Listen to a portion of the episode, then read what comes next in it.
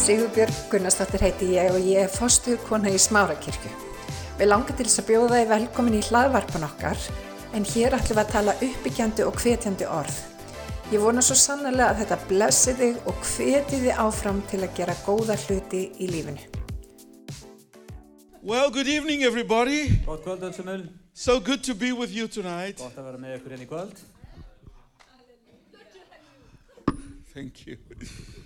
Well, it's my it's my joy to to share the word of the Lord. I I always it's always a joy and it's always an honor. deila með ykkur Guðsörði, það alltaf ánægja. And um, and so I want to just uh, talk to you a little bit about something that the Lord has been speaking to me about. Um, you know, in the last few years. Þannig til að tala við ykkur svolítið sem að Guð hefur verið að leggja mér á hjarta núna síðust ár. Nice to see you, brother, and welcome. I love this man. He's a tremendous man of God. Turn in your Bibles to the book of Isaiah, chapter 61. Við snúa uh, Jesaja, what chapter is it? 61, 61, and we're going to read from verse 10, and then we're going to go, and then we're going to go through into Isaiah chapter 62, verse 5. So the word of the Lord says, I will greatly rejoice in the Lord. My soul shall be joyful in my God, for he has clothed me with the garments of salvation. He has covered me with a robe of righteousness, as a bridegroom decks himself with ornaments, and as a bride adorns herself with her jewels.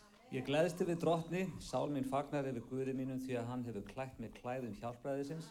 Hann hefur sveipað mig í skikkju réttlætisins eins og þegar brúðgummi lætur á sig höfudjást og brúður býr sig skasti sínu. For as the earth brings forth its bud, as the garden causes the things that are sown in it to spring forth, so the Lord God will cause righteousness and, uh, and praise to spring forth before all the nations. Því eins og jörðin lætur gróðu sinn koma upp og eins og aldingarðurinn lætur frækornin uppspretta, svo mun hinn alvaldi drottin láta réttlæti og frægð uppspretta í auksín allra þjóðar. Chapter 2, verse 1. Uh, chapter 62, verse 1 For Zion's sake, I will not hold my peace, and, and for Jerusalem's sake, I will not rest until her righteousness goes forth as brightness and her salvation as a lamp that burns. Fyrir mjög í kapla 62 og fyrsta vers, sökum Síonar get ég ekki þagað og sökum Jérúsalem get ég ekki kyrverið, uns réttlæti hennar rennur upp sem ljómi og hjálpraði hennar sem brennandi bliss.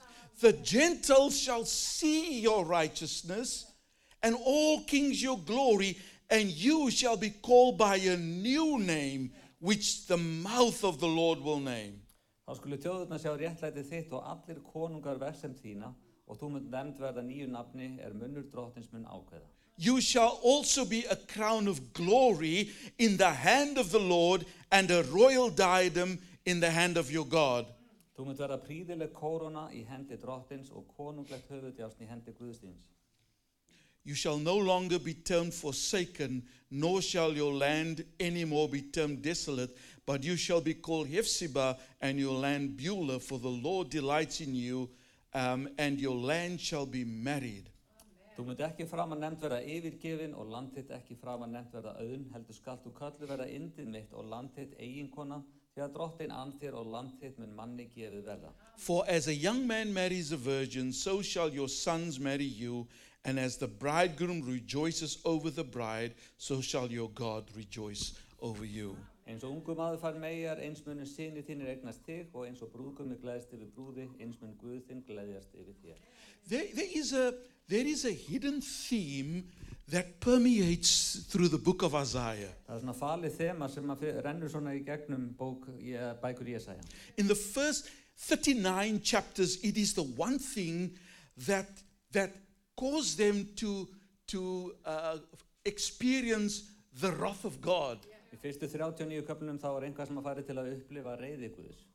And, and, and it is that thing that resulted them in, in, in, in, in spending 70 years in Babylon. Og það, var, það er einmitt verið að ræða um það þegar að uh, dvalinn var 70 ári í, í Babylon. And then once they came back out of Babylon, it became the one thing that God wanted to develop in their lives again. Svo Svo þegar áttu komið úr Babylon að þá var komið að því hvað Guð vildi fla- sem sagt, eh, hvað sem er, færa fram í lífi þeirra And it is the issue of righteousness. og þá er það spurningun um réttlæti. Now, why was it so difficult for Israel to please God in this area, in the area of righteousness? En af hverju var svona erf- erfitt fyrir Ísrael að, að þóknast Guði uh, á sviði réttlætis? Why is it that we fail, every one of us, we fail so miserably in the area of Af hverju righteousness? mistekst okkur svo hrapalega á þessu, í þessu, í samtöðu við réttlæti? If you look at the situation around the world, not just Iceland, but in, the, in America and around the world, Ef við lítum á kringustæðuna bara í öllum heiminum í dag, you'll find that the nations and the church seems to be fighting each other. þá sérðu að, að þjóðurnar og kirkjurnar eru í rauninni að, að slást ykkur aðra. And the, and the world accuses the church of being judgmental. Og heimurinn ásakar kirkjuna að vera dómhörð. And the church then accuses the nation and the government of all kinds of stuff. Og kirkjan ásakar ríkistjóðina um, um alls konar aðra hluti. The church says that the, the, the government uh, institutes laws that, that promote um, uh, sinful behavior, etc. Kirkjan segir að, að ríkistjóðnir komið með lög sem að ítu undir slæma hefðun, ósið, ósiðlega hefðun. Now, I want to just let you into a secret tonight. Mér langar til þess að segja ykkur svolítið að leiða ykkur inn í smá leinda. The world is not going to change just to accommodate our demands. Heimurinn mun ekki breytast bara til þess að gangast undir okkar uh, já, kröfur. That, that is a fact. Það er bara starrend. In fact, going forward, we are going to see even more scary laws being, being passed. Í raun þegar við förum, förum áfram að þá eftir að sjá ennþá hræðilegri lög koma I, fram. I, I shudder to think what our children and our grand, grandchildren are going to have to deal with going forward. Maður velti fyrir sig hvað okkar börn og okkar barnabörn eiga eftir að glíma við þegar við förum áfram. And so the world is in trouble. Þannig að heimurinn er í óreiðu And the question is how do we bring hope to a troubled world? og spurningin er hvernig förum við að því að færa vonin í þennan heim. And I, bel I really believe that the answer lies in the area of Og righteousness. ég trúi því að svarið liggi einmitt í réttlætinu. Because the Bible says in Proverbs chapter 13 and verse 34, the Bible says that righteousness exalts a nation, but sin is a reproach to its people. Do you want to read it from the Bible then? You, you can just interpret what I said. righteousness lifts a nation up, Já, það er réttlæti sem að lifti þjóðinu upp, segir í orskjöfnum 13. but sin is a reproach to the people.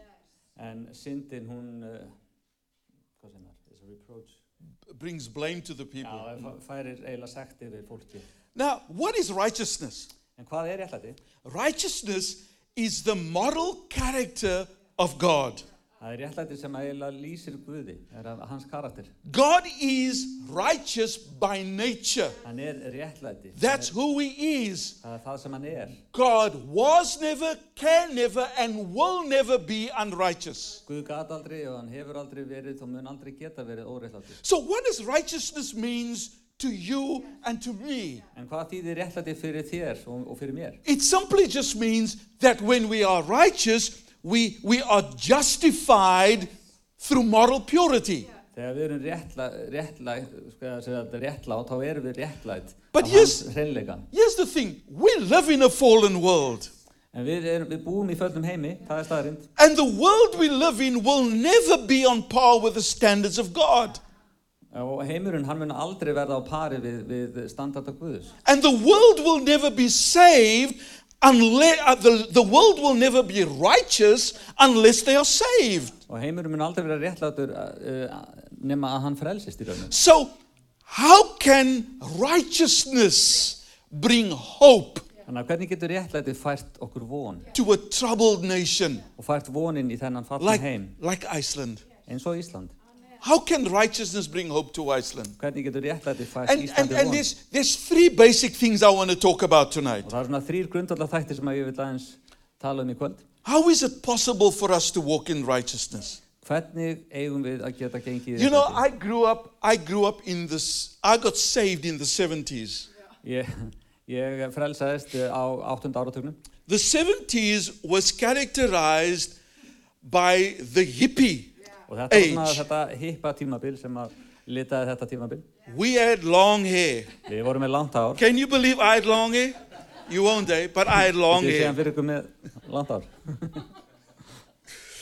Um, it, was, it was the time of the sexual revolution. Og þetta var svona tími kynbyltingarinnar. Um, young people were falling into all kinds of fashion trends. Ungt fólk var að fara og og falla í alls konar svona tísku. Can you imagine Getur how difficult it was to be a pastor in those days? It was difficult. Það var mjög erfitt. I mean, my pastor would, would, would preach on holiness all the Minn time. fórstöðumar var alltaf að- að predika um heilarleika. And by holiness, they just meant you got to look right, you got En to, you með því að know, segja heilarleiki þá vildu bara að þú litir eh, rétt út. you got to dress right, Þú passaði rétt inn you í got to hlutina cut og your hair. þú- þú That klæddir was þig rétt. holiness. Það That- var heilarleiki. And so we struggled and we struggled. Þannig að við erum að berjast og berjast í þessu. I was telling I was telling some folk last night that do you know my wife and I got saved every week. Við séum að ég og konan mín vorum að frelsast í hver einstu viku. We got saved every Sunday. Og hver með einsta sunnudegi. We, and Monday comes and we suddenly find that we've been committing stuff kom by thought and word and deed. Við vorum búin að gera alls konar hluti af okkur. and then by Saturday we go to the movies Og þegar að kom þá fórum við í bíó. and the movies was was prohibited as well. Það var líka bannað. And by Sunday we're repenting before God because of all the stuff we did during the week. Svo komum við til kirkja á sunnudegi og, og við yðruðumst fyrir allt það sem við höfum gert alla vikuna. It was a crazy time. Þetta voru klikkaði tíma. And so the Lord began to talk to me about this because you know, there's still Christians who live like that. Það byrjaði Guð að tala tímuna því að fullt af kristi fólki sem að lifir We einmitt svona. wake up on Monday morning and we ask ourselves, Am I really right with God? Við vöknum á mándagsmotni og spyrjum okkur, erum við í raun rétt gafkart We Guð? say things to people and then suddenly we get convicted and we ask ourselves, Have I backslidden? Við segjum hlutu við fólk og, og svo fyrir við að samfarast um það eða, eða spyrja okkur sjálf hvort að við höfum, uh, uh, hvað sem er, fallið frá, já. So, so let me let me put some things into perspective tonight. Þannig að mér langar aðeins til þess að, að varpa ljósa á nokkra hluti. And, and I want to talk about how righteousness comes to us. Mér langar til þess að tala um hvernig réttlæti kemur til okkar. Because you and I need to understand there is nothing we can do to earn Þegar righteousness. við verðum að skilja það að það er ekkert sem við getum gert til þess að verðskulda You réttlæti. can't work for it. Þú getur ekki unnið þér inn, Um, réttlæti. you can't strive for it. Þú getur ekki einhvern veginn barist uh, fyrir því. You know, and so how does righteousness come to you and I? Þannig að hvernig kemur réttlæti þá til okkar? In, in, in, verse, in chapter 61, verse 10, Isaiah 61, verse 10, it says, He has clothed me with garments of salvation and arrayed me in a robe of righteousness. Og eins og segir þarna í uh, versi 10 í kapla 61 He's clothed me with Ég var að bíða eftir garments of internetinu. salvation. en það var skiptast einnig. Já, hann, hann viss, já, akkurat. and then he's covered me in a robe of righteousness. Hann hefur sveipað mér í skikkju réttlætisins. And this word means to actually put you on display. Og þetta þýðir það að hann s- eiginlega setur þau svona til sínir. Now, this is a very interesting verse Þetta er mjög aðeinsverð vers. Because this verse combines my salvation and my righteousness as part of the same package. Þetta eiginlega færi saman frelsi mitt og réttlæti mitt í sama pakka. Because the day that I gave my life to Jesus, two things happened. Því að sá dagur sem ég gaf Guði líf mitt að þá gerist tvei hlutir. He saved me from my sin Hann frelsaði mig frá syndum mínum and he placed me in right standing with himself. og hann setti mig, uh, hann gerði mig réttlætan við hlið sér. And so from that day, whenever God looks at me, he looks at me through his own righteousness and he sees me as being Og righteous. frá þeim degi þá sér hann alltaf í gegnum sitt eigið réttlæti og sér mig sem réttlátan.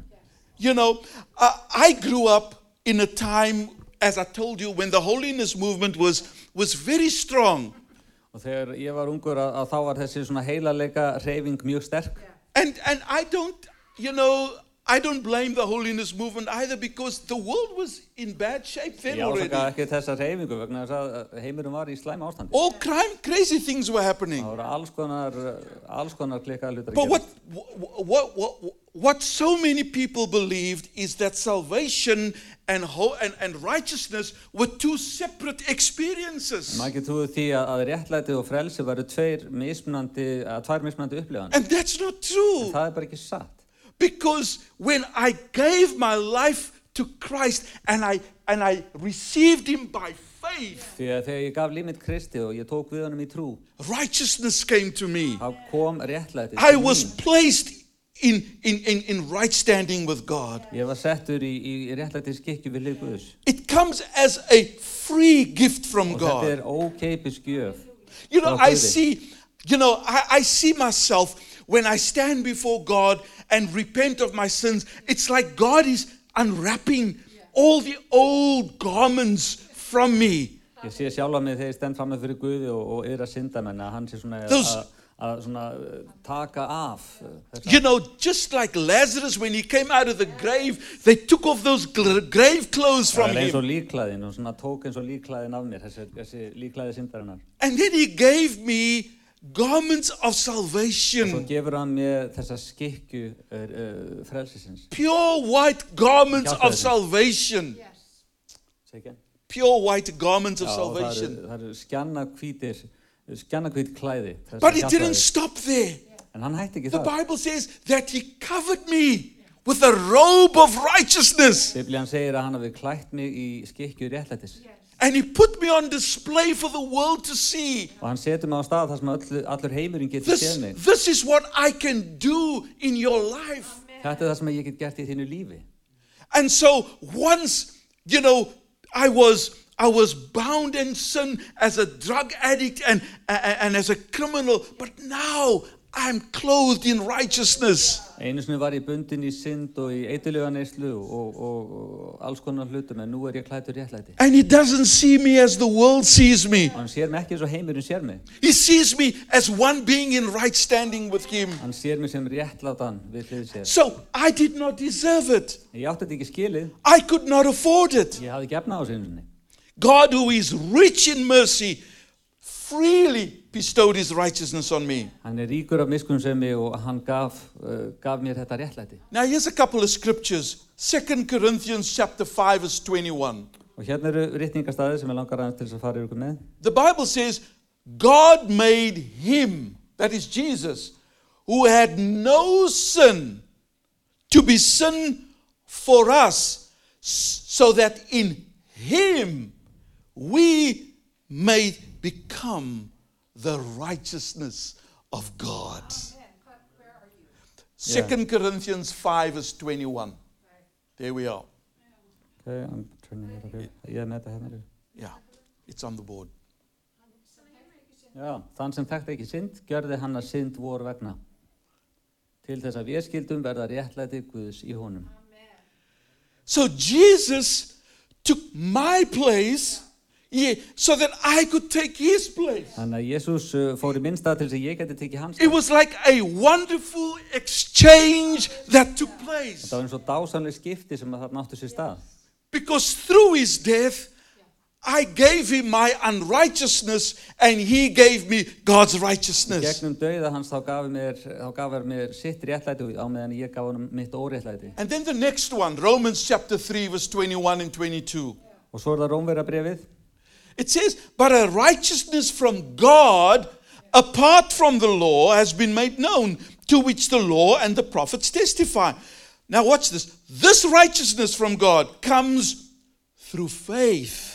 En nú hefur réttlæti Guðs sem lögmálið og spámanirni vitna um og þetta já, verið ofnbyrjað án lögmáls. Það er réttlæti Guðs fyrir trú á Jésu Krist öllum þeim til handa sem trúa. Hér er engin greinamunur. To everyone that believes. Til allra þeirra sem að trúa. And so, how is righteousness received? Now, hvernig fáum við Righteousness réttlæti? is only received through faith Og það in á sér Jesus. bara stað í gegnum trú okkar á Jésu.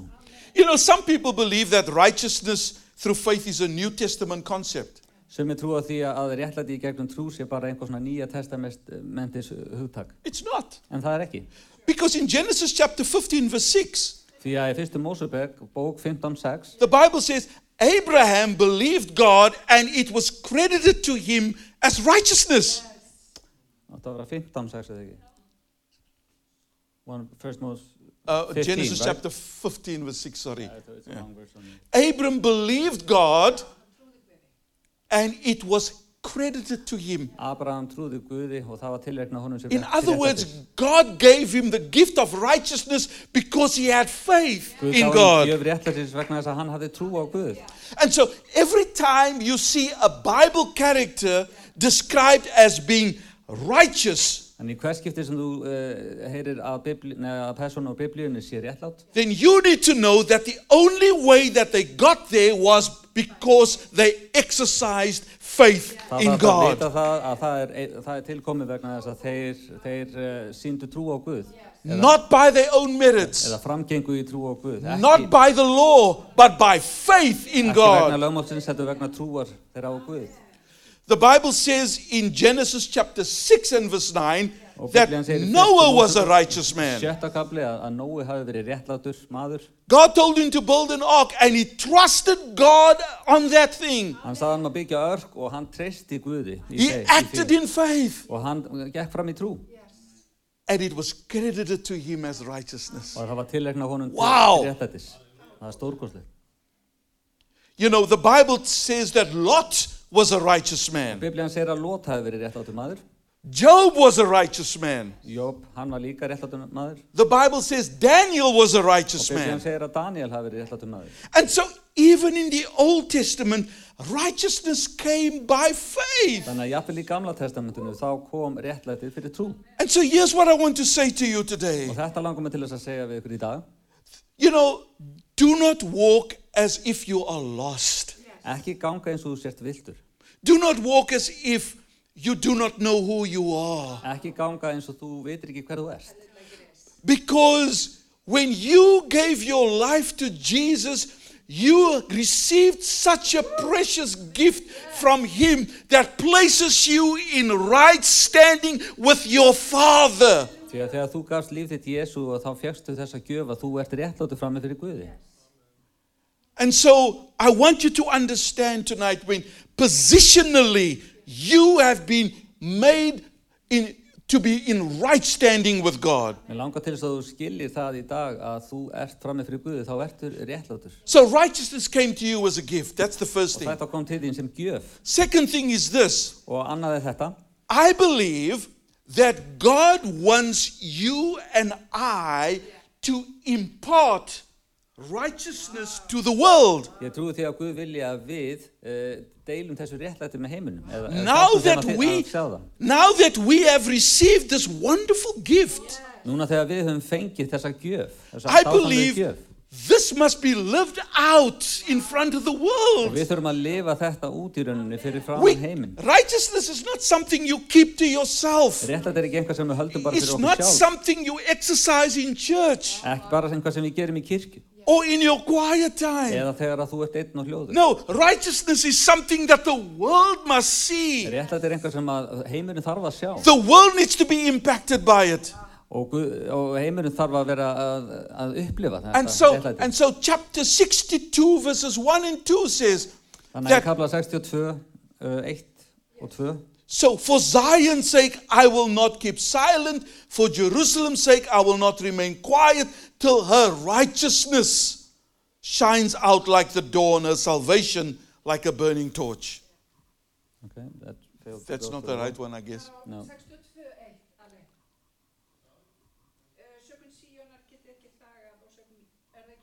62.1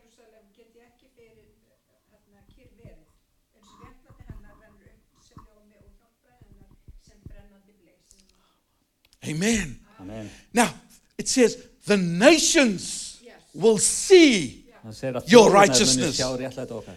That is the intention of God Og það er það sem að vakir fyrir Guði. that we do not keep our righteousness to Að ourselves, Við höldum ekki þessu réttlæti bara fyrir okkur sjálf.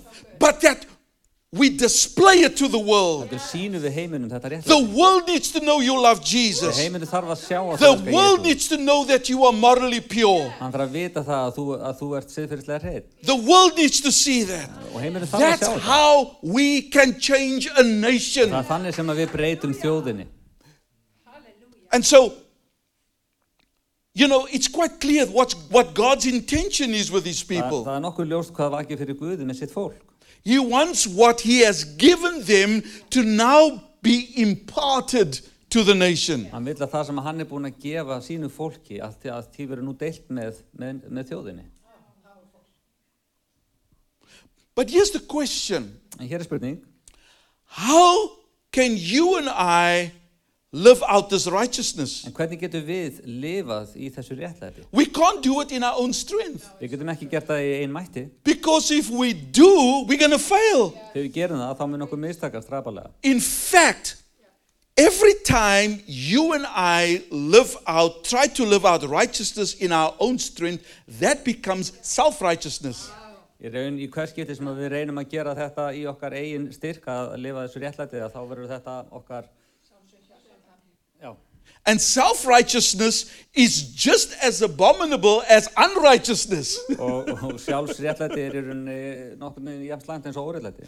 And so, how do you and I live out His righteousness and display it to the world? Hvernig förum við að því að lifa út og í þessu réttlæti til þess að, að deila með heiminum? Remember, He said, I gave you a coat of righteousness. Hann sagðist að gefa okkur skikku hjálpræðis. In, in the ancient Near East, people were known by what they wore. Í, í, þa- í þá daga þá uh, svona, va- sástu hvað fólk var So eftir you því wore hvernig this, svona klættist. you wore this, you know, Joseph had this gorgeous coat that he wore. Þetta er Jósef og, og þessari marglitu uh, skikku sem hann var í. So people were known by what they, the coat that they wore. Þannig að þannig var fólk, eh, þek- þannig þekktist fólk á því hverju það var. And so God deliberately says, I've given you a robe of righteousness so that they can see you. Það er svona segir Guð þetta akkurat svona, hann gaf því skikku hjálpræðis til þess að fólk geti séð þig. So, how do we do that? En hvernig gerum við þetta? In the book of Philippians, chapter 1, verse 11, Í Filipibrifinu, fyrsta kabla og 11. versi, Paul prayed for the church. Þá bak Pál fyrir kirkjunni And this is what he said He said, Lord, I pray that they may be filled with the fruit of righteousness that comes through Jesus Christ. Auðir að réttlætis ávexti þeim er fæst fyrir Jésu Krist til dýrðar og lofs Now, what is the fruit of righteousness? En hvað eru ávextir réttlætis? The fruit of righteousness is the tangible evidence Það er þessi uh, áþreifanlegu sannanir. that you have received the righteousness gift of God. Að þú hafi fengið þessa réttlætis gjöf frá Guði. It's that tangible evidence. Já, þetta er þetta áþreifanlega, þessi áþreifanlega sönnun. Now, the Bible says the fruit of righteousness, Biblían segir ávextir réttlætis and you need to understand it as fruit og þú þarft að skilja þetta í rauninni sem ávexti. because just like fruit can only grow and develop when they are watered and when they are nurtured. Því að alveg svo þegar ávextir geta aðeins vaksið þegar uh, þeir eru vökvaðir og nærðir.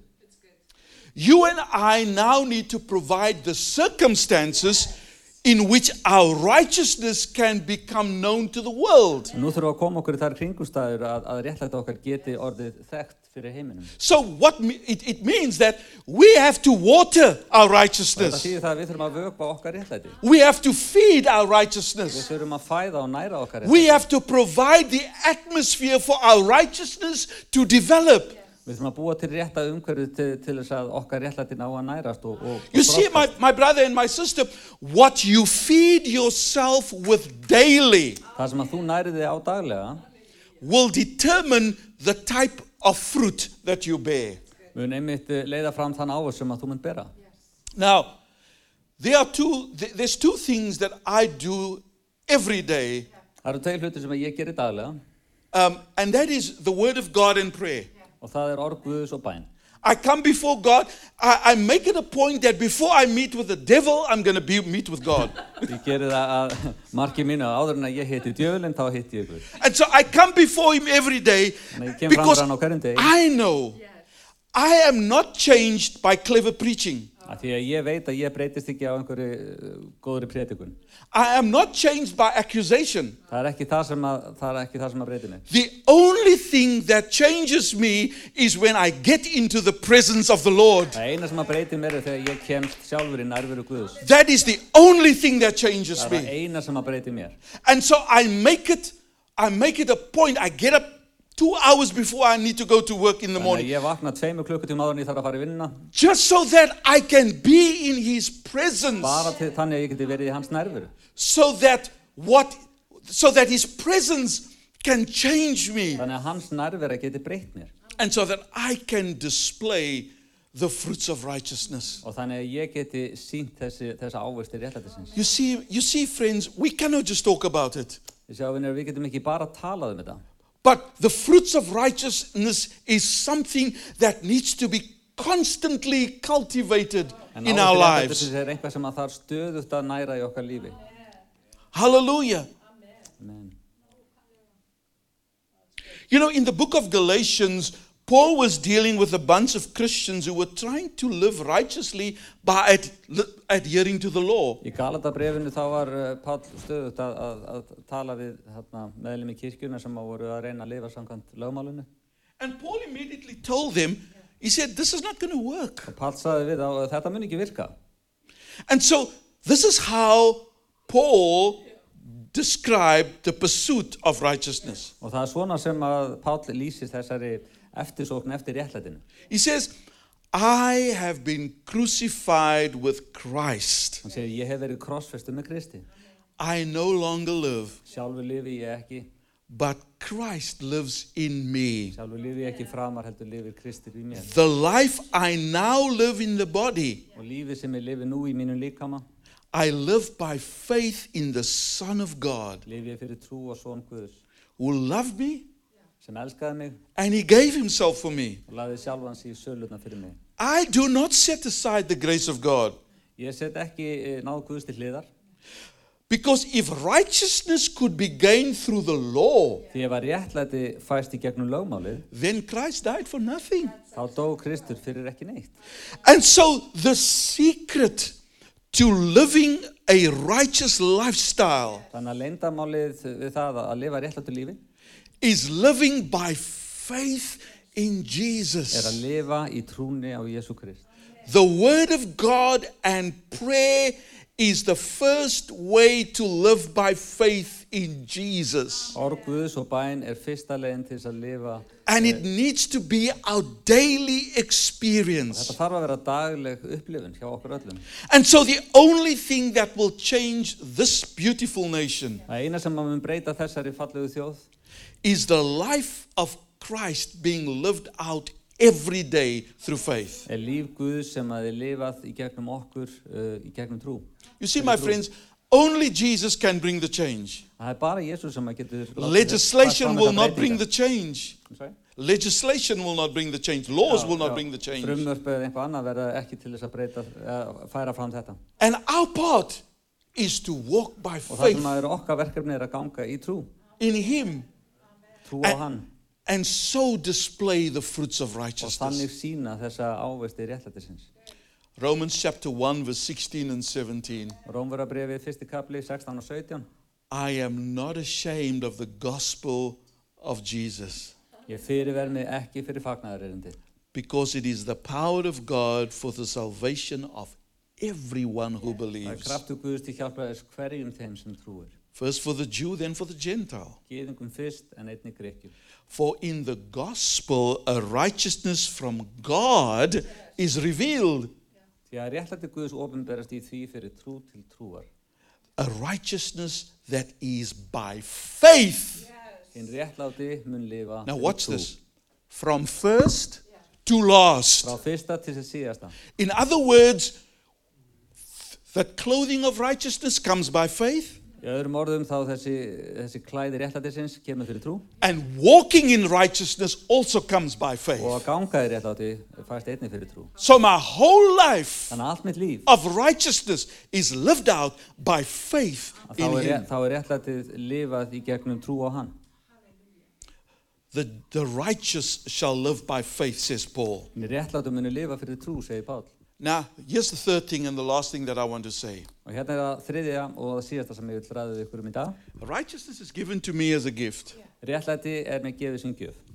And then I need to, that gift needs to be watered in my life Og þessa gjöf þarf að vökva í mínu einn lífi so that I can live out that righteousness in the world. Þannig að ég geti lifað í þessu réttlæti í heiminum. But do you know that there is a point at which I can actually make an impact En það er ákveðið svona tími sem ég geti, ég get uh, haft stór áhrif in the nation with, that, with, with righteousness? í minni þjóð með réttlæti. You see, the word righteousness in the Greek Þú sér has orðið two réttlæti meanings. í, uh, í grískunni hefur tvær þýðingar eða merkingar. Now, the one is the, the one is obviously righteousness, Ein merkingin er, er réttlæti but there is another word, and it is the word justice. en það er annað orð sem að er uh, já, réttlæti rauninni líka. Is, is, is it a different word in Icelandic? Uh, It's the same word. or It's can just be. the same word. But but you know that in the uh, in the English language, it's righteousness and justice because justice is a legal word. Í ennskunni þá er það réttlæti og, og, og svo justice sem er meira svona lög, löglegt, eða hvað segir maður, svona lagaorð. And and justice is what happens in a court of law. Og það er meira það sem að gerist í, í rétti. When people stand before a judge, he delivers a judgment that is based on justice. Já, þá er réttlætinu fullnægt. And that's what I want to talk about from, for a few moments. Það er þetta sem er langað til þess að tala eins um. How can we impact the lives of people around us by our righteousness? Hvernig getum við haft áhrif á líf fólks í kringum okkur með okkar réttlæti? I believe it is through justice. Og það er í gegnum þetta hi- hitt réttlætið, laga réttlætið. You see, righteousness speaks about the character of God. Réttlætið uh, talar um svona karakter Guðs Justice refers to the resulting actions that his character leads to. meðan hitt réttlætið uh, fjalla meira um svona, hvað segir maður? Say it once again. It was a little complicated sentence. Righteousness speaks about the character of God. Réttlætið talar um karakter Guðs, eða lýsir karakter Guðs. Justice talks about what happens Meðan réttlætið segir hvað gerist, eða þetta laga réttlætið segir hvað gerist, when the character of God uh, comes into, into play. þegar personuleiki Guðs uh, sem sagt, já, kemur inn í okkar líf. So, we know that God doesn't tolerate sin. We know that. Við veitum að, að- að Guð, að, að hann getur ekki, uh, hann þólir ekki sinn. But do you know that there are some other things that his character also addresses? En veistu það eru nokkur aðri hluti sem að hans karakter í raun og verunni, uh, já, uh, snestir. What is, what is justice to a soul that is hurting? Hvað er réttlæti? Hvað þýðir réttlæti fyrir sál sem er meitt? It is healing. Það er lækning.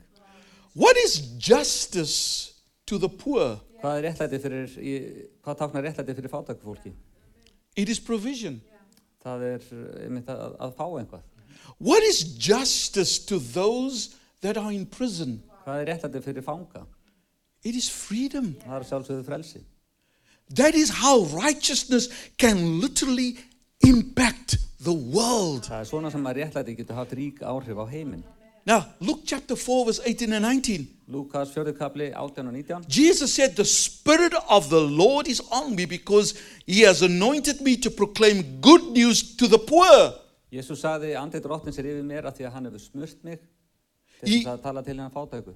He has sent me to proclaim freedom for the prisoners Hann hefur sendt mig til að flytja fátækum gleðilegan bóðskap, and recovery of sight for the blind, láta þjóða lausa og kunngera náðarar drottins. to set the oppressed free, Ég hoppaði yfir hann að bóða, já.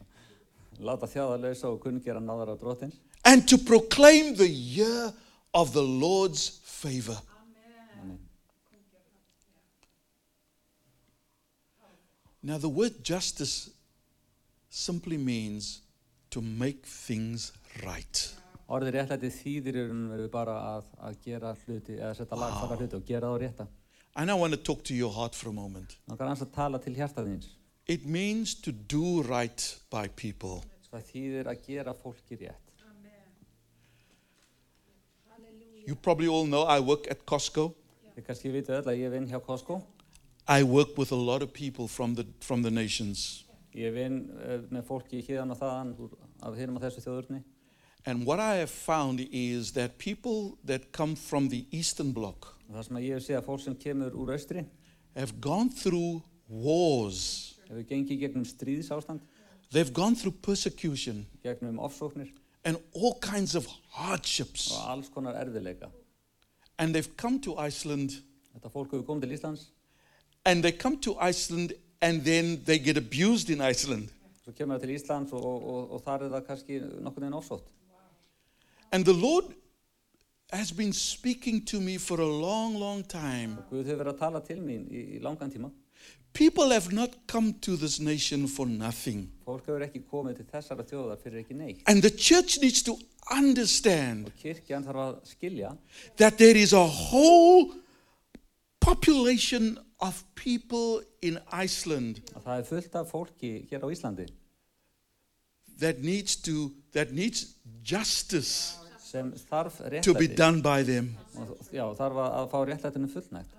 They've come with with hurting hearts. Það hefur komið með brotin hjörtu, They've come with broken families. brotna fjölskyldur And and you know, we've we've got a, a whole group of people from Ukraine that have just come to Iceland Nú in erum the við last fullt af year. Fólki frá Úgræðinu sem hefur komið hingað bara í síðasta ári jafnvel. People that have lost everything.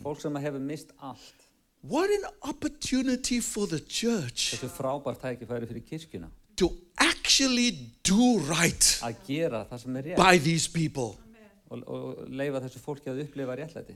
Whether they deserve it or not, that's not the issue. það skilir réttlætið ekki, þá þá er það ekki það sem skiptir máli. Because when Jesus walked through through through through through um, uh, Palestine, he never cared about who deserved his goodness or not. Þegar Jésús gekk í gegnum Palestínu þá skipti það hann engum máli hvort að fólk átti skilið. He healed the sick regardless. Hann læknaði sjúka He fed 5,000 regardless. og hann gaf fólki að borða. He raised the dead regardless. Og hann reisti dauða, skipti ekki máli hvort átti að skilið. His righteousness was on display all the time. Réttlætið var til sínis alltaf. Justice is something that emanated from Jesus like, like a river. Réttlætið er einhvað sem að eiginlega flætti frá Jésu bara eins og, eins og vatn. And I want to just say to the church tonight Og maður langar til þess að segja við kirkina í kvöld, if we want to see a nation healed, ef að við viljum sjá uh, þjóðina uh, í rauninni beigja sig, preaching to them is not going to help, þá hjálpar ekkert að prétika endalust yfir þinni. but doing right by them in the name of Jesus En will. að, en að gera, gera þeim gott og láta réttlæti sjást er það sem Healing að their hearts will. Og það mun mýkja hjörtu þeirra. Picking them up when they fall will. Að, taka, að hjálpa þeim upp þegar þeir falla, Caring for their children will. að, að annars börnin þeirra. And and that is what the church has been called to Og do. það er þetta sem að kirkjan hefur verið köllu til að gera. We need to do what Jesus did. Við þurfum að gera það sem að Jésús gerir. Justice means to do right by people. Réttlæti þýðir það að gera öðru fólki uh, rétt. Proverbs chapter 29 verse 7 says, Og í orðsköðunum stendur, 29.7, says the righteous care about justice for the poor, réttlátum að kynni sér málefni hinn að lítil mótlegu. but the wicked have no such concern. Og við ma- andlega menn heldur eins og við menn.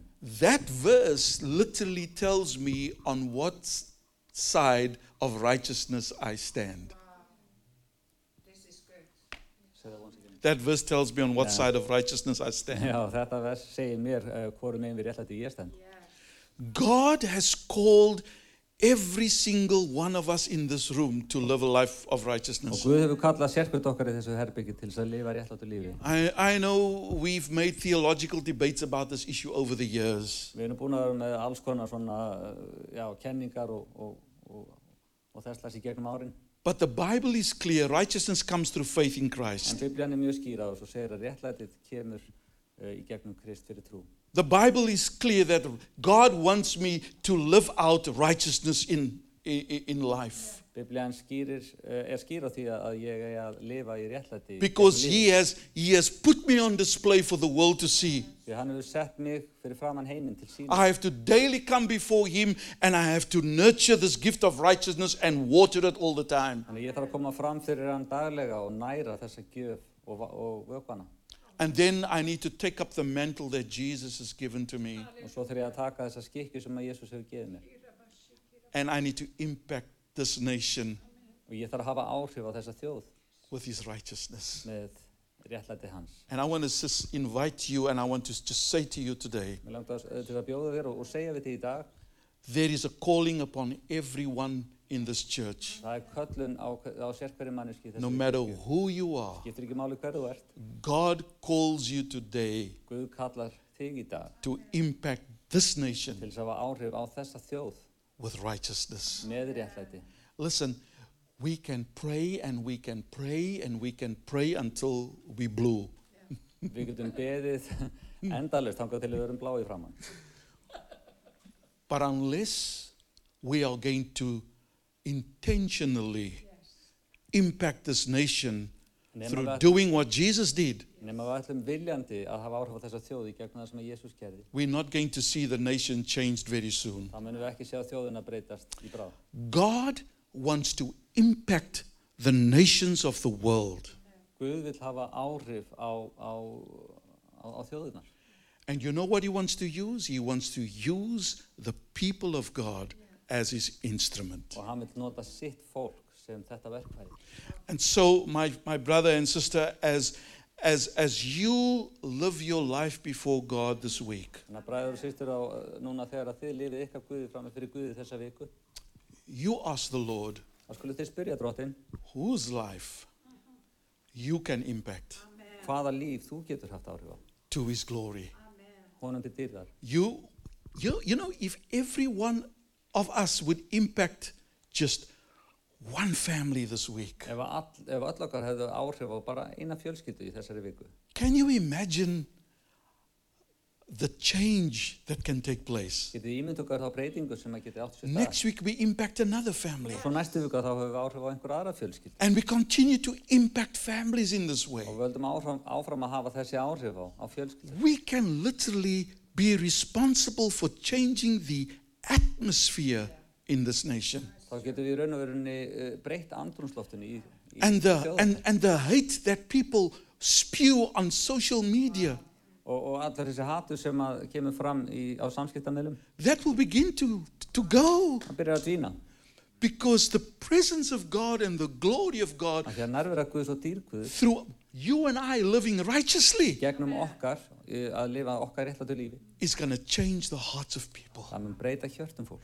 Það mun breyta hjörtum fólks. And so I pray that you and I Þannig að ég byrði þess að þú og ég might truly become the people of God mættum í raun verða fólk Guðs in this nation í þessari þjóð and impact Iceland og hafa stórkostlega áhrif á Ísland with righteousness. með réttlæti. Let's pray together. Skulum byggja. Lord, we just thank you tonight for your word. Hvað við þökkum þér í kvöld fyrir þitt orð. We thank you for speaking to us. Við þökkum þér fyrir að tala til okkar. Thank you that you're the God of righteousness. Takk fyrir að þú ert uh, Guð réttlæti sin. Thank you for that gift, that precious gift that you gave to us. Takk fyrir þessa stórkostlegu gjöf sem að þú gafst okkur. Thank you so much, oh God, that you have you you you have enabled us by grace to live out that gift in the world Takk fyrir það að þú hefur gert okkur mögulegt að lifa í þessa gjöf fyrir framann heiminn and to impact lives. Og til þess að hafa áhrif á líf. Oh God, I pray for everyone listening to this message today Og ég byrði fyrir öllum þeim sem að heyra þessi skilabóði í dag that you would show us personally að þú myndir sí, sjá, sína okkur persónulega who we can impact this week, hverju það eru sem að við getum haft áhrif á í þessari viku. in whose life we can make a difference this week. Hvernig við getum fært fram breytingu í, í lífi fólks. I pray, Holy Spirit, Og heila randi við byrð þig that you would help us að þú hjálpir okkur and that your power would be upon us, og að kraftu þinn sé yfir okkur. that you would enable us Að þú hjálpur okkur og gerur okkur kleift to do what Jesus did. að gera það sem að Jésús gerði. Will you bless and will you touch your people in Smarakirkja? Þú blessa og snerta við lífum fólks í smáriki. And I pray, oh God, that this wonderful assembly of people Og ég byrju Guðs að, að þessi söfnuðu fólks hér will impact this neighborhood with the gospel mun hafa áhrif á, á nágrunni með fagnaðurindinu. in ways that will change people's lives for good. Með hætti sem að mun, mun breyta fólk, lífi fólks uh, til eins betra að eilifu. And I ask that in Jesus' Og name. ég byrju þess í Jésu nafni. Amen. Amen. God bless you. Ég hveti til þess að stilla inn á okkur með reglum hætti því að hér verður alltaf eitthvað nýtt á nálinni. Takk fyrir að hlusta.